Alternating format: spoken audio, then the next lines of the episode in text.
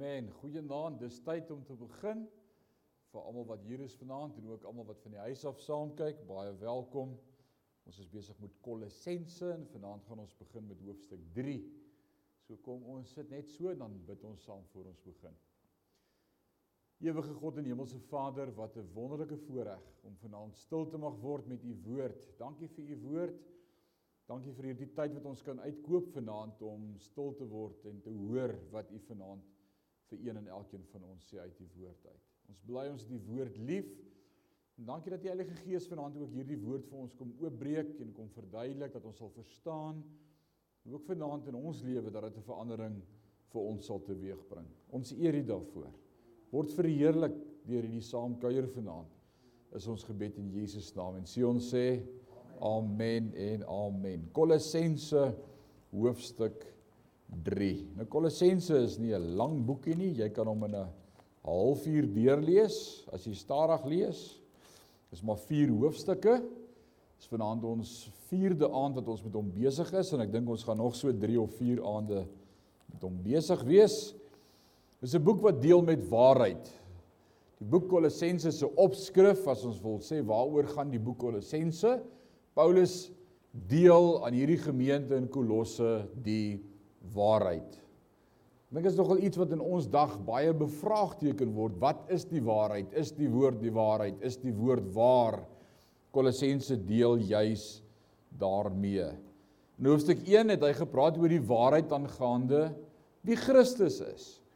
Het gepraat oor die die waarheid aangaande Christus se godheid dat hy nie net die seun van God is nie, maar soos wat Jesus ons ook geleer het in die evangelie van Johannes, Hy sê ek en die Vader is een.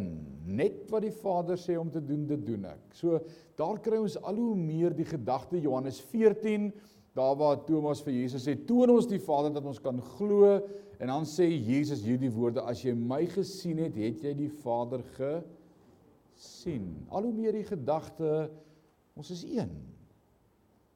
Ja, ons het ons is een. So Kolossense deel Paulus met hierdie awesome waarheid aangaande die die godheid van Christus en dan ook die kruis, die dood van Christus. In hoofstuk 2 het ons laasweek gepraat oor die waarheid aangaande kultusse of sektes. Allerhande valse leerstellings en dogmas wat in ons dag selfs vandag nog verkondig word en dit was 'n eye opener geweest. As jy nie hier was nie, gaan luister dit gerus. Vanaand deel ons in Kolossense En ook as ons kom by Kolossense 4 aangaande die waarheid aangaande die kind van God. Wat is die waarheid aangaande ons? Ons posisie, ons optrede, ons wandel en ons handel. Hierdie gedeelte in hoofstuk 3 en 4 word onderverdeel in twee gedeeltes. Vanaand in hoofstuk 3 gaan ons praat oor die waarheid oor die Christen wat leef vir die hemel. En dan gaan ons praat oor om te lewe hier op aarde. Dis dis twee dele, twee fasette waarna ons gaan kyk van die realiteit en die waarheid aangaande Christen. Ons is gefokus op die hemel en ons leef vir die hemel, maar ons is nog nie daar nie. Wie van julle dink ons is al in die hemel? Weet daar's baie kerkgroepe wat glo ons is al in die 1000 jaar van vrede en ons is op pad hemel toe. Ons ons is nog nie in die hemel nie, ouens. Hierdie is nie die hemel nie. Ek wie wie, wie sing daai o heaven is a place on earth? Dink jy sal Belinda Carlisle. OK.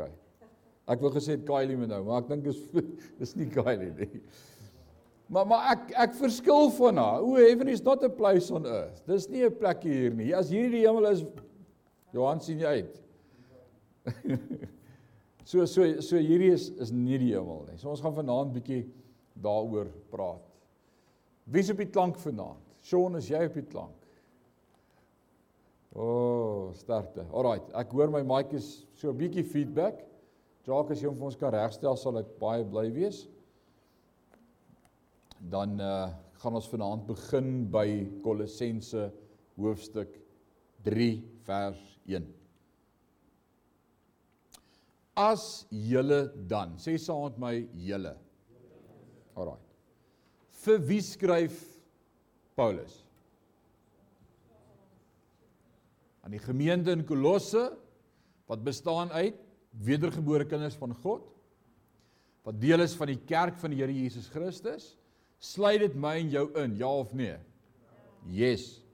So as Paulus hier skryf en sê as julle dan, praat hy ook met my? So ek kan daar sê as ek dan. Kan ek dit so sê, Leon, is dit reg?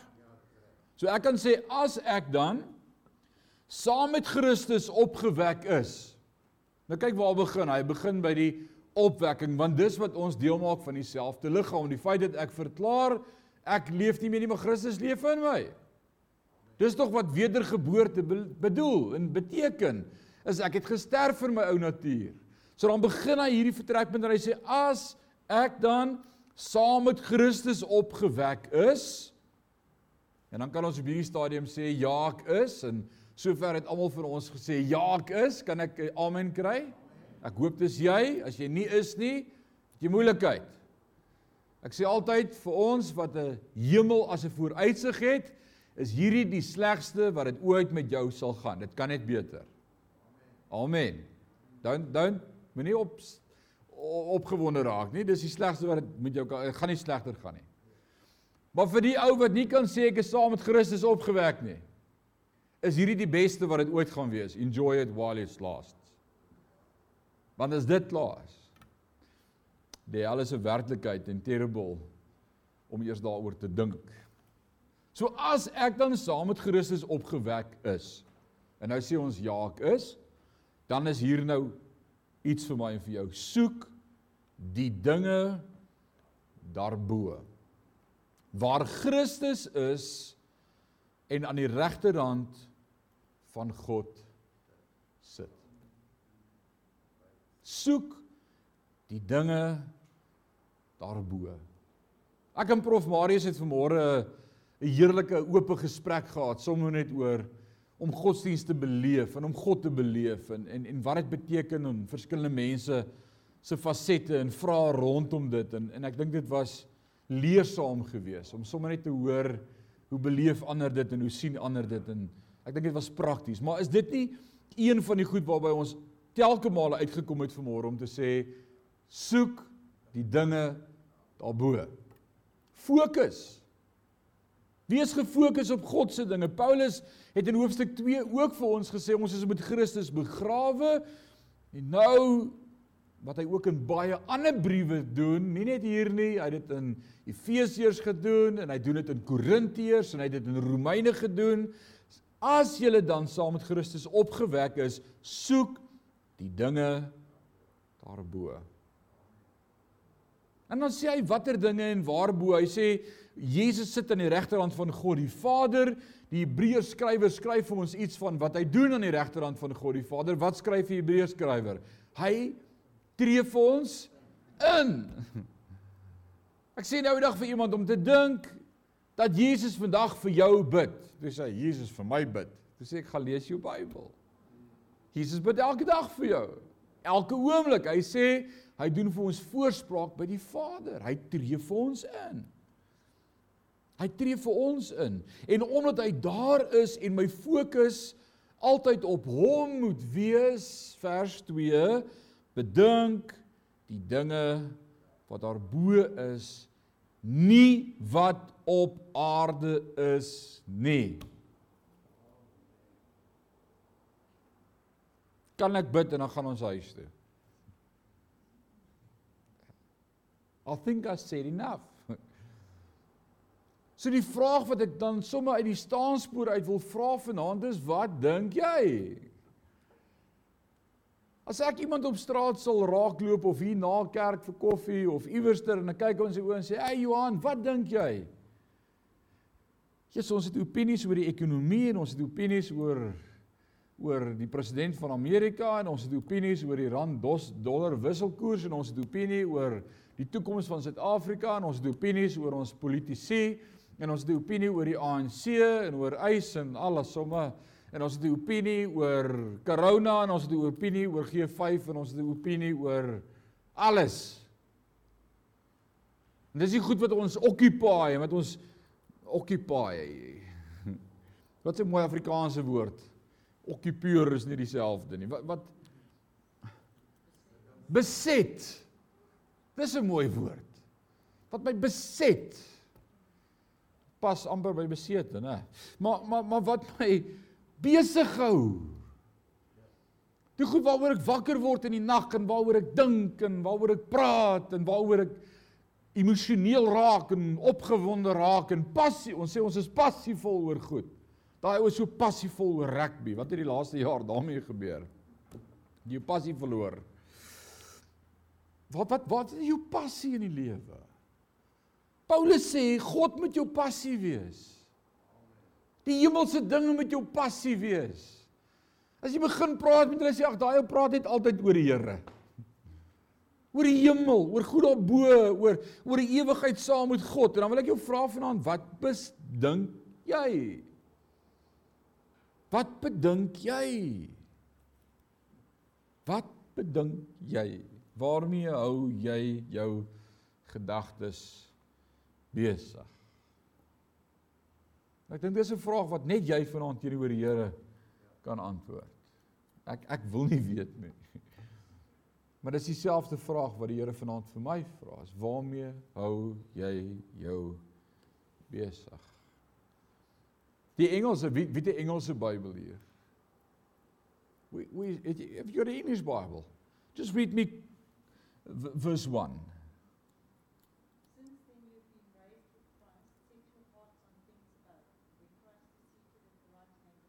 at the right hand of God. At the right hand of God. Ek hoor 'n student kom eendag by 'n prediker en hy sê vir hom om te dink God het alles gemaak met sy linkerhand. Alles met sy linkerhand gemaak. En die pastoor sê vir hom met met sy linkerhand. Hy sê ja, hy het alles met sy linkerhand gemaak. En hy sê hoekom net met sy linkerhand? Hy sê want Jesus sit op sy regterhand.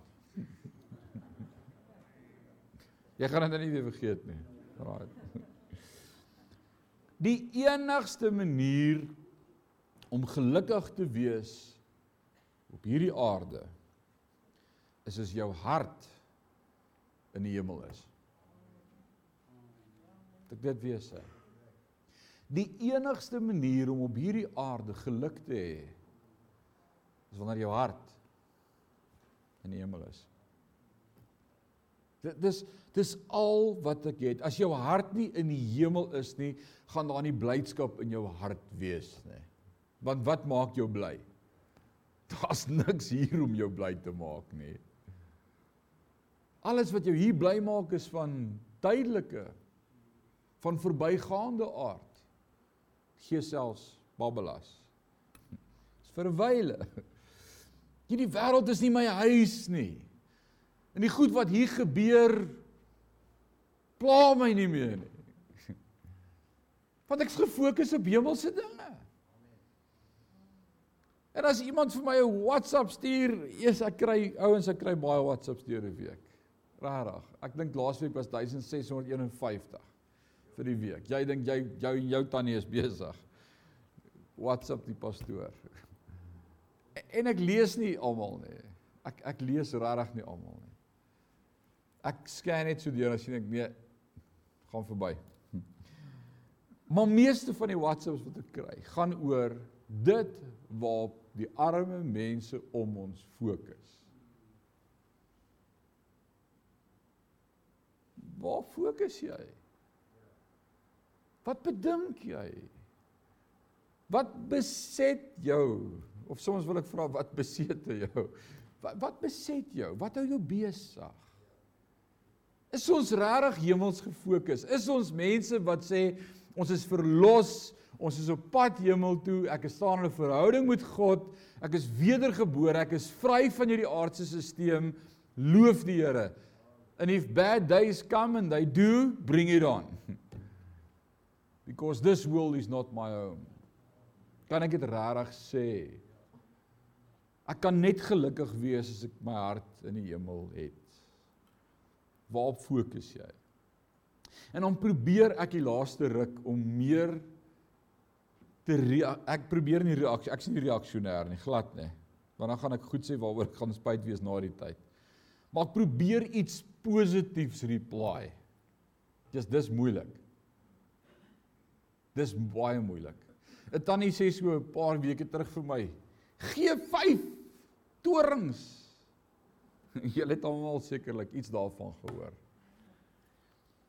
Dis van die duiwel, dit gee corona, dit maak mense siek, dis die anti-kris wat hierdie goed oprig. In Parys kry ek nou 'n G5 toring en voor ek my kan kry sê ek loof die Here. Dan kyk positiewer as dit kan jy nou nie kry nie. Nou word ek die vraag gevra. Waarvoor loof jy die Here? Ek sê omdat ek voor my oë sien hoe die anti-kris sy stelsel in plek sit en ek weet my dae is getel. My exit is coming closer by the second. Bring it on. Is dit nie om 'n positiewe attitude te hê nie? Iemand WhatsApp my die week. Nou kan jy jou kar se VIN-nommer vat en na die fabrikaat toe gaan en sê ek het my sleutel verloor en hulle sê moenie worry nie, ek gee vir jou 'n spaarsleutel en so steel hulle jou kar. Ek sê loof die Here. Die persoon sê loof die Here waarvoor? Ek sê as hulle my kar vat, betaal die versekerings uit. So what? Of ek kan aards gefokus wees en drie slotte op my garage bysit en my matrasie agter die kar gooi. of ek kan net sê hierdie plek is nie my plek nie. Ek sou pad hemel toe. Ek's nie nie ge-worry nie. Maar dit opset my nie. Want die woord sê dit sal in die laaste dae so gaan. So ek wil vanaand met jou bietjie net hier uit 'n paar goed deel. As hy praat van bedink die dinge wat daar bo is en nie op aarde is nie. As jou fokus hier en nou is. En dit wat nou gebeur, kan jy nie hemels gefokus wees nie. Jy kan nie. Jy kan nie fokus op hier en op nou en op wat wie sê, o ja, by the way, ek moet gou preek. Ek hoor die president gaan vanaand iets sê en Ouens. Jy jy jy, jy gaan dit mis. So so kom ons praat oor drie goed en al drie kom uit die skrif uit en dit gaan my help om vanaand vir jou te help om gefokus te wees. Alraight? Om gefokus te wees. So die eerste ding wat jou gaan help om die dinge daarbo te bedink is Jesus sê self waar 'n man se skat is daar sal sy hart ook wees. Die eerste ding wat ek vanaand vir jou wil sê is waar's jou skat? Nie jou skat te bol nie. Jou skat. Want hy sê maak vir julle skatte in die hemel bymekaar waar mot en roes dit nie kan verwoes en die vyand dit nie kan steel nie. Nou hoe kry jy 'n skat in die hemel? En ek dink dis een van die goed wat ons te min oor praat. Hoe kry ek 'n skat in die hemel? Kom aan, praat met my. Ek wil by julle hoor. Hoe kry ek 'n skat in die hemel? Come again, daai. Good works. Good works. Matteus 5:6 en 7, Matteus 5 Jesus sê in die bergpredikasie, laat julle lig dan so skyn voor die mense dat die wêreld die goeie werke van die Vader sien en die Vader verheerlik. Okay, that's that's a crown, but maar, maar hoe kry ek my skatte in die hemel? Siele. Ooh. Siele. As daar een ding is wat ek weet ek kan saamvat hemel toe is dit siele. Ek kan disippels maak van ongeredde mense. En vir elke siel wat tot bekering kom, sê die woord, daar's groot blydskap in die hemel oor elke siel wat hom tot God bekeer. En vir elke siel wat ek help om in die hemel te kry, gaan ek eendag beloon word met 'n kroon. Nie sodat ek met die kroon op my kop kan rondloop in die hemel en sê kyk tog my kroon nie. Maar sodat ek iets het om voor Jesus se voete neer te gooi in aanbidding vir die prys wat hy vir my betaal het. So nou sê iemand maar ek maak nie disippels teen ek het nooit in my lewe iemand na die Here toe gelei nie en ek gaan geen kroon in die hemel kry nie maar ten minste gaan ek hemel toe. En dis dis great dis waar dis dis alles waar.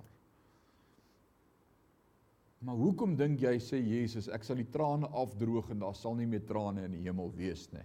Het jy al gedink wie sal nou in die hemel wil huil? Ah, have you ever thought of that? Wie sal nou in die hemel wil huil?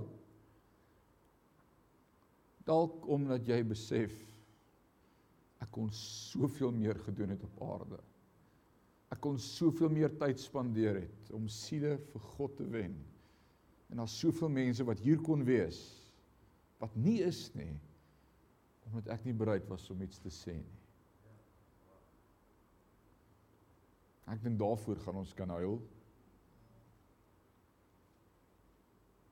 Ek gaan nie huil oor ek daar is nie.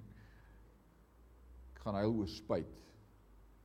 So die eerste manier om om om vir my hemels gefokus te kry is om skatte bymekaar te maak in die hemel. Nou skatte is wat ons nou vir mekaar siele, skatte. Maar hoe kry ek nog 'n skat in die hemel? Sê weet aan die babs? Goeie dade, good works. Voorbidding.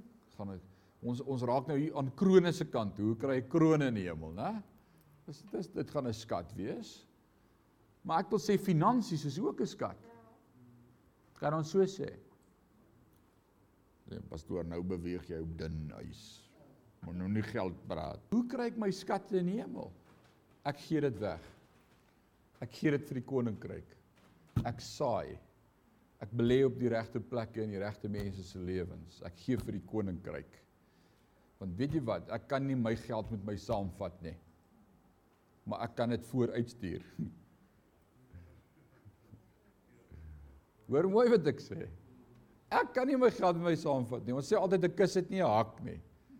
Jy kan nie 'n venter trailer saam met jou vat met besittings nie. Jy kan nie maar ek stuur my geld vooruit. Ek belê in die koninkryk. Ek saai. Ek vertrou die Here dat hy sê wat jy saai, sal jy maai. Weet jy wat? Ek was verlang gefokus met skatte op aarde. Maar die probleem met skatte op aarde is dis ook waar jou hart vasgevang word. En ek het besef ons het te veel staf.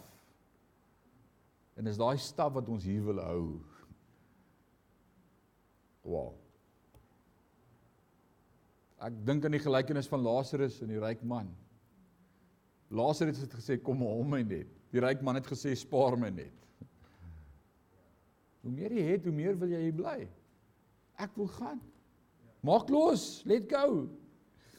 Die tweede manier om 'n skat vir jou in die hemel bymekaar te maak of om hemels gefokus te wees en, en en meer op die hemel te fokus wat hierdie vers 2 sê bedink die dinge wat daar bo is. Die tweede manier hoe dit in my en jou lewe gebeur is deur toetse en beproewinge. Deur toetse en beproewinge. Jakobus 1 vers 2, 3 en 4: Ag dit louter vreugde my broeders as julle in allerlei versoekinge val omdat julle weet dat die beproefdheid van julle geloof lydsaamheid bewerk. En hierdie lydsaamheid moet tot volle verwerking kom sodat julle volmaak sonder gebrek en niks tekort mag kom. Nee. Vers 5: Want hy wat wysheid kort kom, kan dit eenvoudig van God bid wat vir elkeen gee sonder om te verwyd. Dit is amazing. Jakobus leer ons die dinge. Ag dit louter vreugde as jy deur toetse gaan. Wat gebeur as ek in 'n toets is? Wat gebeur as ek in 'n krisis is? Wat gebeur as ek in finansiële moeilikheid is? Wat gebeur as my liggaam afgetakel word en ek aangeval word met 'n siekte toestand? Wat gebeur? As kind van God fokus ek meer op hom. Ek praat met hom. Ek lê voor hom. Ek huil voor hom. Ek prewel oor hom. As ek wakker word in die nag en ek kan nie slaap nie, praat ek met hom. Daar's een ding wat dit met my doen. Dit help my om nader aan God te kom. En dit is pragtig wat Henriet vanmôre met ons gesê het. Wat sê dit lyk vir God gee altyd wondergawes vir heidene sodat hulle sal glo en dis wat wat gebeur het in die Bybel ook. En hy het hulle siekes gesond gemaak sodat hulle kon glo. En dis asof nie kinders van die Here baie makliker wonderwerke ontvang as kinders van God, want in 'n kind van God se lewe moet daar eers iets gebeur. Daar's 'n proses, daar's iets wat moet happen. As ek terugkyk, dan moet ek sê, "Wow, ek het geleer, ek is volmaak sonder gebrek en ek kom niks kort nie, want hy het my nie een oomblik alleen gelos nie. Hy's met my al die dae van my lewe." En jy sal dit nooit weet you'll never know that God is all you need until God is all you have. Wie het gesê? Corrie ten Boom. Die Hollandse dame wat in die Tweede Wêreldoorlog die Jode weggesteek het en toe ook gevang is en in 'n konsentrasiekamp gegooi is en gemartel is. You'll never know that God is all you need until God is all you have. Dis wanneer ek aangeval word met toetse en beproewinge en en krisisse om my gebeur wat ek agterkom ek het niks meer nodig behalwe God nie. So ek wil terugskryf vir elke toets in my lewe en ek wil sê dit was die moeite werd. Elke krisis. Elke toets. Want ek het iets geleer en dis wat Paulus sê in Romeine 8:28, alles werk mee ten goeie. daarmee is daar ook 'n doel. Ek verstaan dit nie nou nie, dis nie nou lekker nie. Dis nie nice nie. Maar dit bewerk vir my 'n ewige gewig en heiligheid by God. Die derde manier om om om om meer hemels gefokus te wees en bedink die dinge wat daar bo is en nie op aarde nie is skatte eerste plek tweede plek toetse die derde plek wil ek sê aan die dood van 'n geliefde. Jy al daaroor gedink? Die dood van 'n geliefde. Wie van julle het al 'n geliefde afgestaan aan die dood? Kom steek 'n bietjie die hande op. Hang dink almal van ons. Vanmôre terwyl prof Marius so gesit en praat het oor prewel, hy die woord prewel gebruik en ons het gepraat oor stilte en om om net bewus te wees van God se teenwoordigheid en toe dink ek aan hierdie storie van my eie oupa Paul de Klerk 'n plaasboer. Maar sy hart het aan die Here behoort. En hoe hy elke oggend tyd gemaak het in die spaarkamer in stilte om God te beleef en te ervaar. En my oom wat self in die bediening was, my ma se broer Niels, het dit self vir ons vertel van my oupa en dit was my voorreg om my oupa te ken. Absolute godsman, 'n plaasboer wat in die Here vertrou het. Al sy vertroue was op die Here. 'n Paar keer alles verloor en dan het hy maar net weer voor begin en Hy hy's deur 'n paar diep dinge in sy lewe. Nie sy eie pa en ma geken nie, as 'n weeskind groot geword. En oom Niels vertel hoe hy een oggend voor die spaarkamer se deur staan en sy ma het hom die dood voor die oë gesweer as jy daarin gaan is daar groot moontlikheid. Los pa uit. Sy stilte tyd. Hy sien hy staan voor die deur en hy luister, maar hy hoor niks. Daar word nie gebid nie, daar word nie gepraat nie, daar word niks gesê nie, daar word nie gesing nie, dis doodstil. En hy dog dis nou sy kans om te kyk wat gaan hier aan. En hy maak die deur saggies oop en hy loer so om die deur in. En ek het in daai huis geslaap, ek kan getuig daarvan dat voor die bed, onthou jy daai groen olyfgroen ou zaait matte wat so geplak was? Voor die bed was daar twee sulke oop kolle waar die plankvloer uitgesteel het waar die ou zaai weg was. Waar op Apollo elke oggend op sy knieë voor die bed in stilte met God gepraat het. Oom Neil sê hy loer so om en hy kyk vir oupa en oupa kyk so van die bed af op en die trane loop so oor sy wange. En oom Neil kyk hom so en hy sê vir hom kom in. En hy maak die deur agter hom toe en hy stap tot by my oupa en my oupa sê op jou knieë En hy kyk rond, maar hy sien niemand nie. Hy sê, "Hoekom moet ons hy sê, want hy is hier. Hy is hier." In stilte beleef ek God is hier. Weet jy wat gebeur baie keer as ek dink oor my oupa en my ander oupa op 'n koert En my oumas, ouma Letty en ouma Florence en my tannie, tannie Joey, van my familie wat ek verloor het, van my vriende, dan dink ek oor waar hulle is en waar ek wil wees en ek dink oor die hemel. Want dis wat dit doen.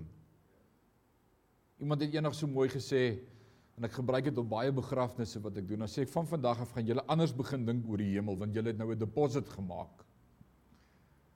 Wie van julle het al ooit aandele gehad? Wie het op die aandelemark al bietjie beurs, jy het nou aandele daar op die JSE of op die Stock Exchange, Joburg, jy jy, jy het iets gekoop, aandeel. En nou wat gebeur? Ek het so 'n FNB rekeningkie oopgemaak in dollars. Ek kan my rande omsit na dollars toe. So elke keer as ek in my FNB ingaan, dan kyk ek gou, wat maak die dollars? is die dollars op of af? Verloor ek of wen ek? Daar's 'n paar van ons wat weet wat dit is. Is dit beter of slegter vandag? En jy dink jy weet, maar jy het nie 'n klou nie. Ek wil vir jou sê, so is ons belegging wat ons in die ewigheid gemaak het deur die verlies van 'n geliefde. Jy het 'n deposit gemaak daar. En elke keer as jy daaroor dink, dink jy maar ek suk op pad soontoe. Dis deels van dit wat my help om hemels gefokus te wees. Dis deels van die proses. Dis hoekom om 'n geliefde te verloor en dood so seer is.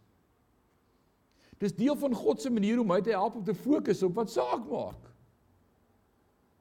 En dan wil ek weer sê wat ek altyd sê, dit lyk vir my niemand van ons kom lewendig hier weg nie. So deel hom mee. Raak hemels bewus. Ons is by vers 2. Dis amazing. Ons is daarom nog net 'n halfuur besig. Vers 3. Want julle het gesterwe. Regtig. Het ons regtig gesterwe? Kan ons regtig vanaand sê ons het gesterwe? Kan ek regtig saam met Paulus al sê ek leef nie meer nie, man Christus leef in my. As jy wil sien hoe lyk die Here, kyk na my. Paulus skryf aan die gemeente, hy sê wees my navolger soos ek Christus navolg. Kan ek dit kan ek dit regtig sê vir mense? Kan jy vanaand opstaan en sê ouens, jy wil weet hoe lyk die Here, watch my.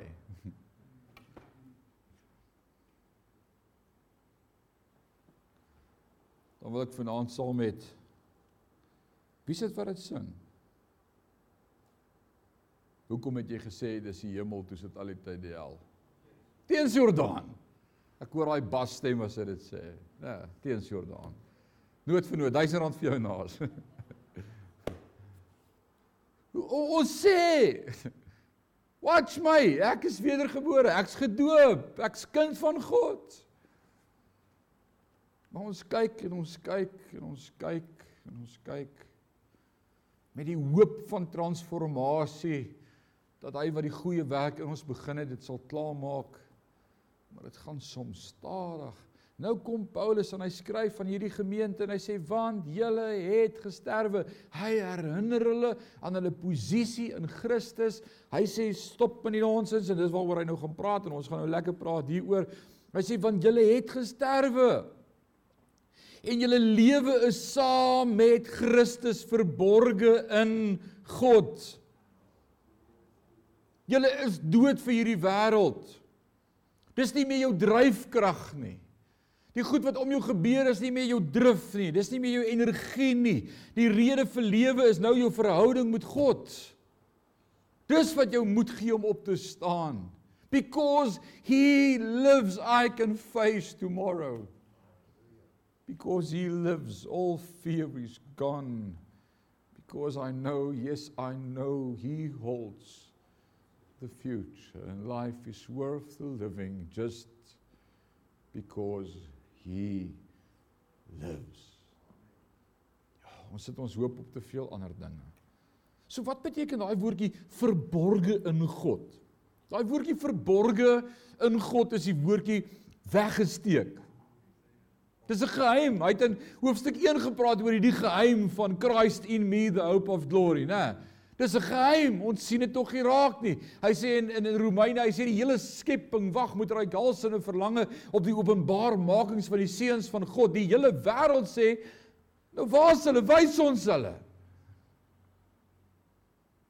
My vrou sê hierdie week, wys ons hoe lyk God en ek sê hy's nog besig met my. Geen net kans.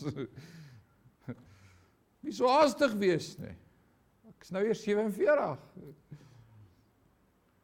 Dan kyk jy nie speel jy sê maar wys my waar's God en die, ek is nog nie daar nie. Ek weet nie van jou nie. Ek is nog nie daar nie.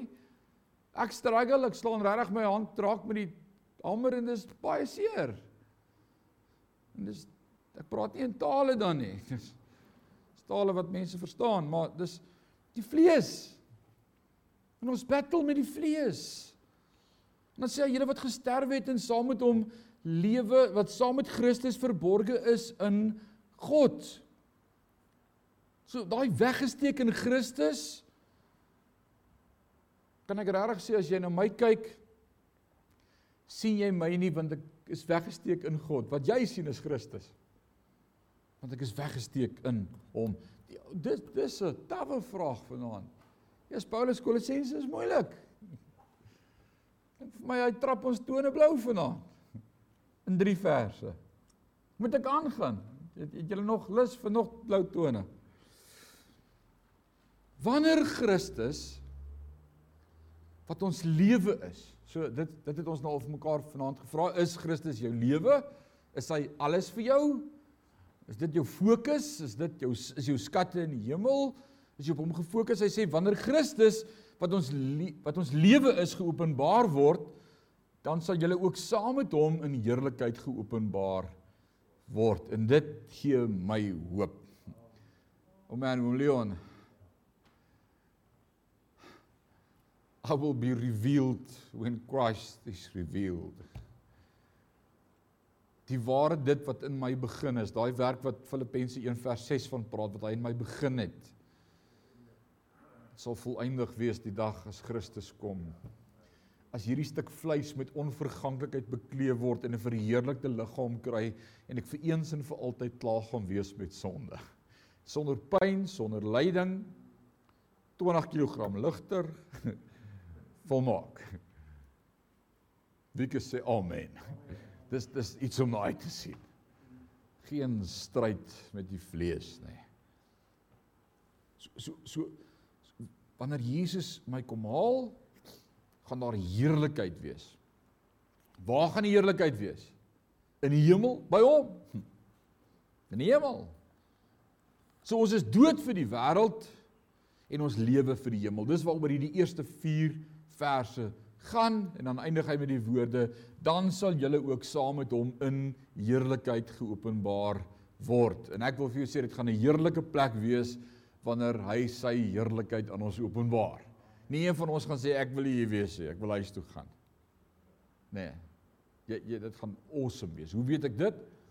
Ek ek lees van drie jong manne met die naam van Petrus, Jakobus en Johannes wat in Matteus 17 saam met Jesus op die berg van verheerliking is. En hy openbaar homself as seun van God en God verskyn en praat uit die wolke uit en Moses is daar en Elia is daar. Dis 'n heerlike party en wat sê hierdie drie? Kom ons bewys, hierdie is 'n plek om te bly. Dis awesome. So as hulle in God se teenwoordigheid wou bly, wil ek vir jou sê, hang on, jy, jy dit gaan vir jou lekker wees. Moenie worry nie.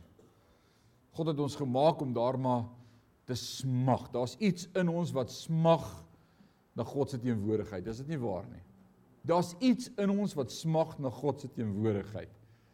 Ek onthou al hoeveel keer wat ek hierdie gebed gebid het, Here, dat ek U mag sien, dat ek U mag beleef, dat ek U meer kan ervaar. Daar's iets daarin. Moses Here asseblief dat ek U net kan sien, dat ek U net kan beleef en ervaar. God sê as jy my sien, gaan jy sterwe, maar kyk so van agter af. Ons het iets in ons om God te wil ervaar. So wanneer ons hom ook gaan sien, sal dit die ultimate plek wees om te wees. Moenie worry nie. Nou, in die lig daarvan dat ons so hemels gefokus moet lewe, wel ons is nog nie in die hemel nie. Iemand het eendag gesê He's so heavenly minded he can't be earthly of any good. Jy al daai spreekwoord gehoor? He's too heavenly minded. Hy loop met sy kop in die wolke. Ek wil daai stelling verander en ek het al baie gesê. You can't be earthly any good if you are not heavenly minded because I'm grounded on the eternal truths of who God is and where I belong in die hemel. En omdat ek in die hemel gefokus is, because I'm grounded on that eternal truth, I can be good to people around me. Want ek is in tune met waarvoor ek geroep is. OK? Dit daar gelaat. So in die lig daarvan nou dat ons nog op aarde is, nou kom Paulus en hy sê OK, OK, OK, ek weet julle is nog nie in die hemel nie. Kom ons praat nou 'n oomblik daaroor want hier's nog issues op aarde. Maak dood. En nou kan jy daar stop en sê sien die Here het gesê ek gaan doodmaak. Lees verder asseblief. Maak dood dan julle lede wat op die aarde is. Nee, nie gemeentelede nie. Imagine dis 'n skrif vir ons pastore MC. nee. Nee. Julle lede, ons as lidmaat, as deel van die liggaam van Christus. Nou sê praat hy oor 'n paar goed. Nou sê hy maak dood dan julle lede wat op die aarde is, naamlik. En nou noem hy wat is hierdie goed wat ek en jy moet doodmaak of afsterwe of moet begrawe. Neem weer kennis. Hy praat met die kerk. Hy staan nie op die markplein en preek vir die ongereddes nie. Praat met kinders van die Here. Hy praat met ouens wat hy gesê het julle het gesterf in Christus. Hy leef in julle. Julle is weggesteek in hom. Julle is wedergebore. Julle wag vir die openbarmaking van God. Maar dan noem hy nou 'n paar goed wat nog in hierdie lede is. Hulle is nie meer daar nie. Daar was hulle doop want hulle is al begrawe skryf Paulus van. So hulle is al deur die doopbad. Hulle is wedergebore. Hulle fokus is in die hemel, so daar's 'n ewigheid vir hulle saam met God. So hulle is wedergebore kinders van God vir wie hy skryf. En dan sê hy, maar hier's nog 'n paar goed in julle lede wat 'n issue is. Dinge wat julle moet doodmaak en dan noem hy dit op, naamlik kom ons begin met die eerste een. Hoerery. sê gelukkig doen ek dit nie. Hoerery. Daai woordjie hoerery is die Griekse woordjie porneia waarvan die woord gevorm is wat ons ken as porn sommer net. Pornografie. En wat pornografie doen is dit vat my weg en dit sluk my fokus weg en dit breek huwelike op en dit doen 'n verdraaiing in my gedagtes van die prentjie wat God daar gestel het van hoe huwelik moet lyk. Dit bring ongelooflike gevolge vir my. Dit sleep my weg. So daai woordjie porneia word gedefinieer as volg: sexual immorality, fornication, marital unfaithfulness, prostitution, adultery, a generic term for sexual sin of any kind. Dis 'n baie breë woord wat Paulus hiermee begin en hy trap so met die deur in die huis. Hy skop die deur af. En hy sê julle sit in die kerk, julle is wedergebore, julle is gedoop, julle gaan hemel toe. Julle fokus op God, sien uit na 'n ewigheid saam met hom, maar my magtig julle sukkel met hierdie basic goed. Wow. Dawid sê ek het met my oë 'n verbond gesluit dat ek na niks sal kyk wat God nie verheerlik nie. Het jy al met jou oë 'n verbond gesluit dat jy na niks sal kyk wat God nie verheerlik nie? Jy al Sien maar dis deel van die lewe, dis in elke fliek. Ek onthou toe ek 'n laat hier in die huis was, as daar 'n fliek is en daar's 'n scene, hulle kan net vir mekaar loer, die welles begin net opvlam, dan sê my maale al, "Maak toe julle oë." Kan jy dit onthou? Wie van julle het dit beleef? Maak of dit word gestop en afgesit want hierdie is nie van die Here nie. My magtig, jy kan nie eers meer binnelanders kyk nie. Mag ek dit gesê het? Dis oral. Dis in jou gesig. Ons is so ge die Engels sê desensitize. So dis so alledaags. Hulle kan nie 'n kar adverteer sonder 'n half naak girl bo op die bonnet nie. Wat kry jy al saam in die bakkie? Ek weet nie hoe dit werk nie. Ek verstaan nie. Ek ek doen maar. Alraai, goed. Tot in advertensies. Soros. OK, sorry. Onreinheid. Kom ons gaan net aan. Onreinheid. Daai woordjie is die Griekse woordjie akatarsia, a state of moral filth. Onrein. Vuil jou gedagtes, jou ah, dit waarmee jy beset, amper dit wat jou beset maak. Daai dit wat jou beset is is vuil, filth. Hartstog sê die 3353 vertaling. Of pathos. Die woordjie lust of of sexual passion. Lust om te begeer om iemand met jou oë uit te trek. Julle sal nie weet nie. OK. Of gierigheid. Daai woordjie nee, nee, waar is ons nou? Slegte begeertes. Slegte begeertes. Epithymia, to desire, longing, coveting, craving, lusting. Die spoeg drup by jou mond uit. gierigheid. Pleonexia greed. Was enige onderhoud met hierdie skatryk man. Ek het sy biografie gelees outobiografie en en en hulle sê vir hom op watter stadium gaan jy ophou? Jy het al biljoene bymekaar gemaak. Jy het nie genoeg nie? Hoeveel wil jy hoeveel wil jy nog maak en sy antwoord was nog net 'n bietjie dis onvergenoegdheid Dis 'n gees, dis sonde in 'n kind van God se lewe. Wil nog hê, nog hê. Wil net hê en hê en hê. Oppas vir dit. Dis dis dis 'n gees, 'n geestelike ding. En Paulus spreek dit aan hierdie in hierdie gemeente. Hy sê dis nie van die Here nie. Dit moet afgesterf word. En dan sê hy wat afgode diens is. So al hierdie goed wat hy opnoem, sê hy is afgode diens. Enige iets wat jy moet hê. Ek moet dit net kry. Is nie van God af nie. Ek hoor baie keer as jong ouens om my praat en sê ek moet net vir my so bakkie koop. Of ek moet net. Is nie van die Here nie. Oppas dis afgode diens.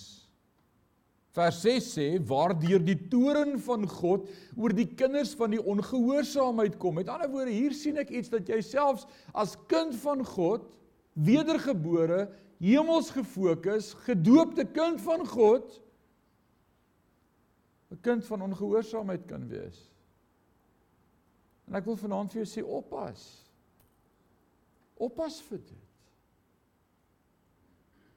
Partykeer roem ons so in ons verhouding met God en my doop en my bekering en my wedergeboorte en en en my hemels gefokusdheid, maar maar ek's 'n ongehoorsame kind van God. Ek vanaand sê gehoorsaamheid aan die woord van God is die hoogste prys. Want dit verg selfverloning. Die eie ek tel nie meer nie. To deny the me in me waarin julle ook vroeër gewandel het toe julle daarin geleef het. Hy sê julle as kinders van God het ook daarin gewandel. Maar sterf dit af. Kry klaar met die nonsens. Dis mooi gesê. Dis mooi gesê. Vers 8, maar nou, sê saam met my nou. Alraai, hier kom ons by nou, maar nou.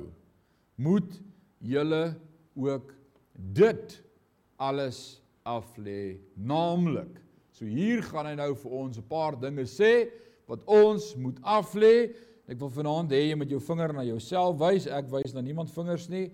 En jy moet vanaand hiermee klaar kry. As hier iemand vanaand is wat sukkel met een van hierdie goed, gaan ons vanaand bid dat as jy hier uitstap, die Here jou nou gaan vrymaak. Jy het nie berading nodig nie. Dit is nie nodig om jou bloed klein skoon te maak nie. As die seun jou vrygemaak het, sal jy vry wees. Want wat sê hy hier? Hy sê julle moet dit af lê. Een van die Engelse vertalings sê dit so prakties. Hy sê it's like taking off a filthy rag. Trek dit uit. Kry klaar daarmee. Besluit, ek lê dit af. Dis 'n keuse. En vanaand gaan ons keuses maak in hierdie plek. Sê net iemand amen. Hier kom dit nou. Maar nou moet julle ook dit alles af lê, naamlik en dan begin hy met 'n paar goed en hy praat die heel eerste oor toorn. Toornigheid, toorn. Daai toorn is die Griekse woordjie orgai en waar het julle daai woordjie al gehoor? Dalena. Orgai. God het ons nie bestem vir die orgai van God nie. God hadn't destined us for the wrath of God. Nee, die toorn van God. Hy het ons nie bestem vir sy toorn nie. Ons is in die regte verhouding met hom. Maar hierdie woordjie is dieselfde woordjie orgai wat vertaal word met die woordjie wrath of anger. Nou hoe baie keer sê ons so maklik as daar nou iets is wat my kwaad maak. Regtig. En jy's wie nou weer? Ons regverdig ons woede tog so maklik. Eina. Het ons 'n verskoning? En dan hoor ek as ouens praat by die familiebeeenkomste of daar by 'n braai of as vriende bymekaar is of kuier, dan hoor ek daar's altyd iemand wat hierdie lyn sal sê. Kom ek sê vir jou as daar nou een ding is wat vir my kwaad maak, nê. Nee. Paulus sê Daai goed moenie 'n kind van God se lewe wees nie. Inteendeel, Jesus leer ons, hoeveel keer 'n dag moet ons vergewe? In 70 maal 7 was nie die som wat hy wou hê ons moet uitfigure hoeveel dit is. Ooh, nou het hy nee, nou het hy een te veel gegaan. Nou kan ek my Nee, dit dit was nie 'n som nie.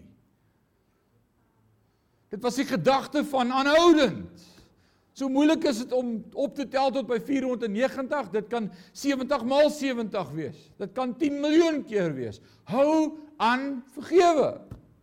So op watter stadium is dit reg om kwaad te word? Kan iemand my net antwoord? Op watter stadium is dit geregverdig om kwaad te word? Want ons sê goed soos, ek wou nie, maar nou het jy net te ver gegaan. Nooit my skuld dat ek kwaad word nie. Ek was fyn tot jy ingestap het. Hou op om my karring. Ek bekeer niks. Ag, sies tog shame. Alraai. Hoorie, moenie kwaad word nie. Toornigheid. Jy hoef nie weer terug te kom volgende week nie, hoor, is reg. Ek sal weet waar ek jou toon getrap. Woede. Plaas hou jy net op by toornigheid. Paulus, moet jy nou so karring aan hierdie goed? Woede. Woede. Daai woordjie woede is die woordjie thymos. Thymos. Waar van die Engelse woord vandaan kom vir furnace. Dis waar die Engelse woord gebore is. Thymos, thermos. Wat is 'n furnace? 'n Furnace. 'n ding wat warm word. 'n oond dat ek kole ingooi en ek kan die staal rooi warm maak dat dit gebuig kan word. Kole. Vlamme. Fires. Fury, anger, rage, a state of intense displeasure. Don't interrupt. Dis fiery. Sê baie keer dit van rooi koppe. Nee, ekskuus. Alraai. God se woord regverdig dit nie. Daar's geen verskoning vir dit nie. Geen verskoning nie. Boosheid sê die ou Afrikaanse 3353 vertaling. Wat sê die Engelse vertaling vir boosheid?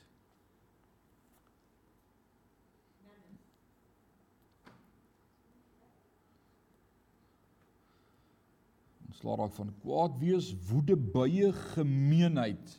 My nuwe vertaling sê gemeenheid. You said malice. Malice, I have a D.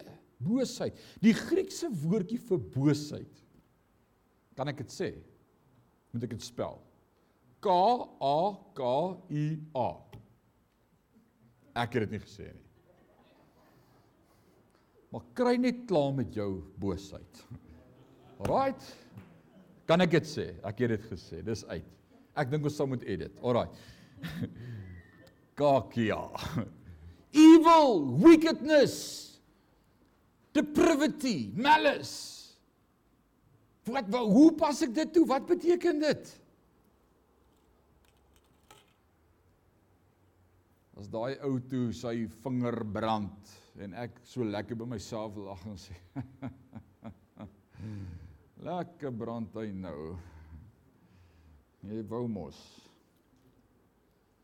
Mm, slim van sy baas, né? Die woord sê dit pas nie in 'n kind van God se lewe nie. Onthou wat Romeine sê, Romeine sê dit so mooi Paulus skryf aan die gemeente in Rome, is dit Romeine 14, 13, 14, 14 as hy sê wat is die liefde? Aan die einde van 12 praat hy ook daarvan vers 7 tot 21. Hy sê wat bly is oor die ongeregtigheid nie, maar wat saam treur saam met die treuriges. En bly is saam met die wat bly is.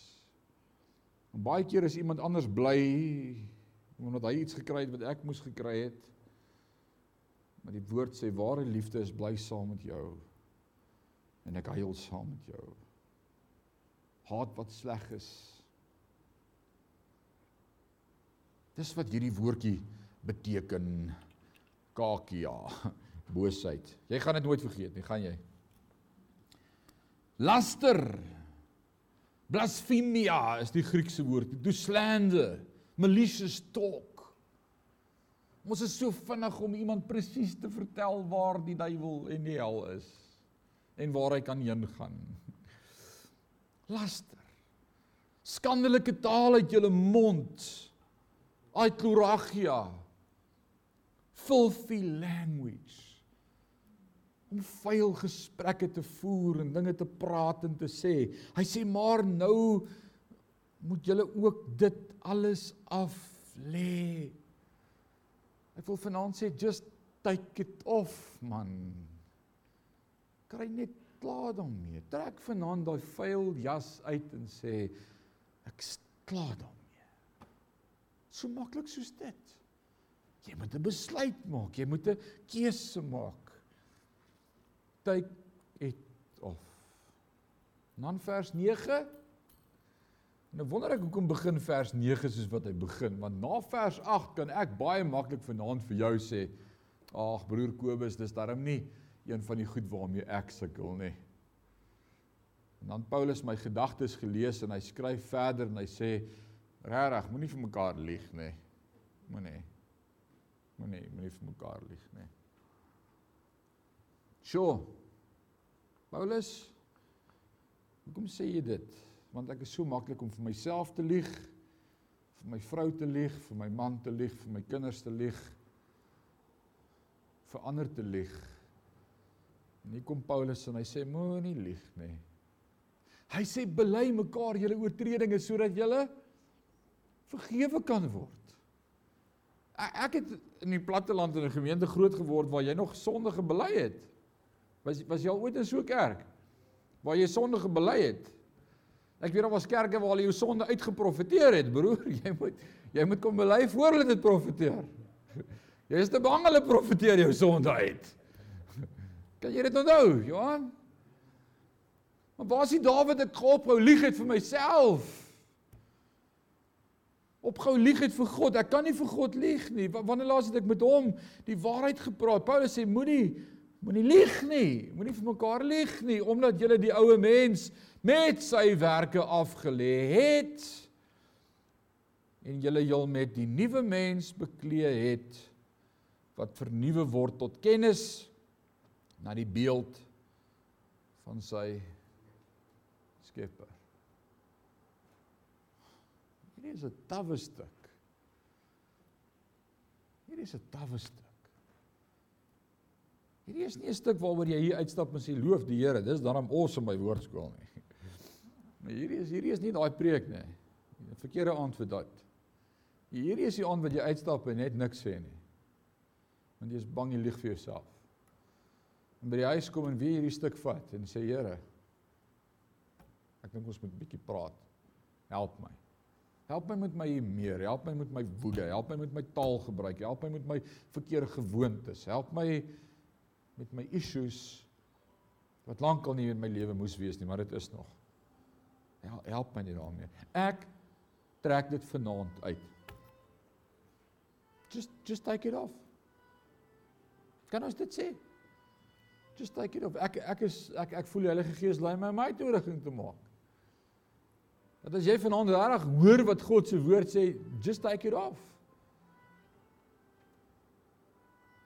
Just take it off. Kom kom ons kom ons sluit ons oë. Kom ons gaan bid. Ek dink dis waar ons vanaand gaan stop, vers 10.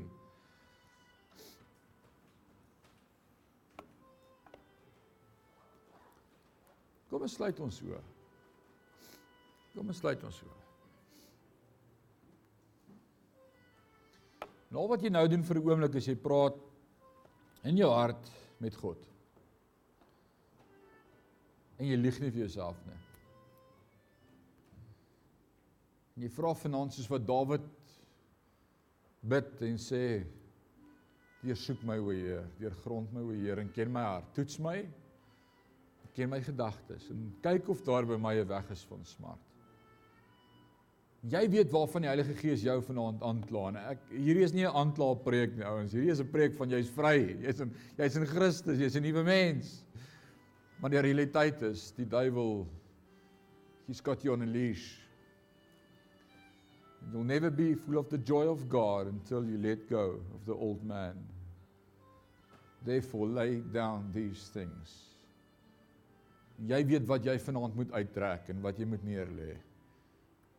En ek wil vanaand saam met jou bid dat vanaand die aand sal wees die 28ste Februarie 2021 3 minute oor 7 het ek daai ou ding uitgetrek.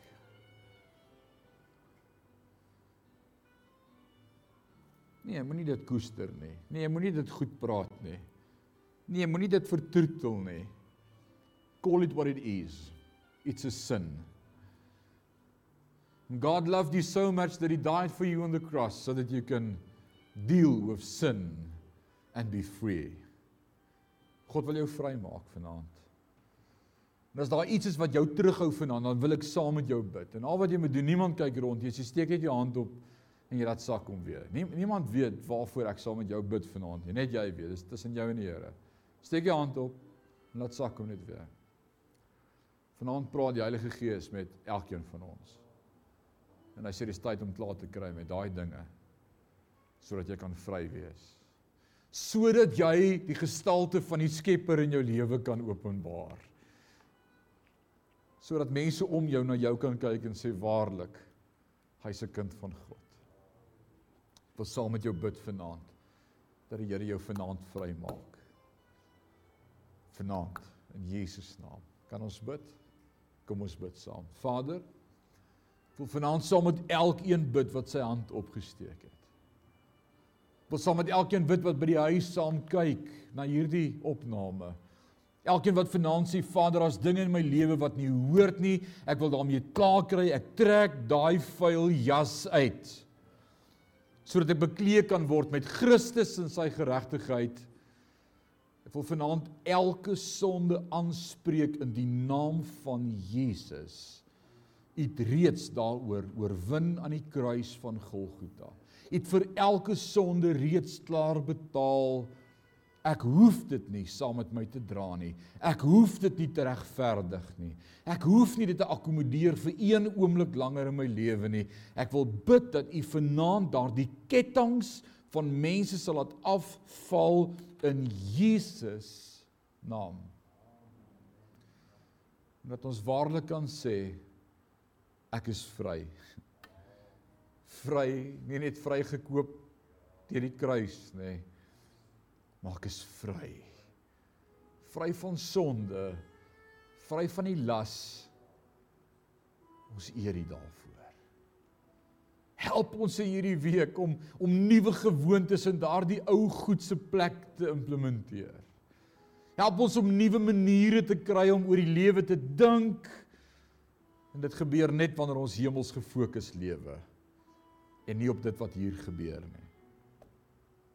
Annie al die lof en al die eer en al die aanbidding van ons harte vanaand. Dankie dat U met ons werk. Dankie dat U klaarmaak die werk wat U begin het. Dankie dat U met my besig is. Dankie dat U my verander deur die Heilige Gees. Dankie vir die kruis. Dankie vir die bloed van Christus wat my voortdurend reinig van alle ongeregtigheid. Dankie. Dankie. Dankie. Dankie. Ons eer U daarvoor, Vader. Vandag ons in die liefde. Dis my gebed in Jesus naam. Amen.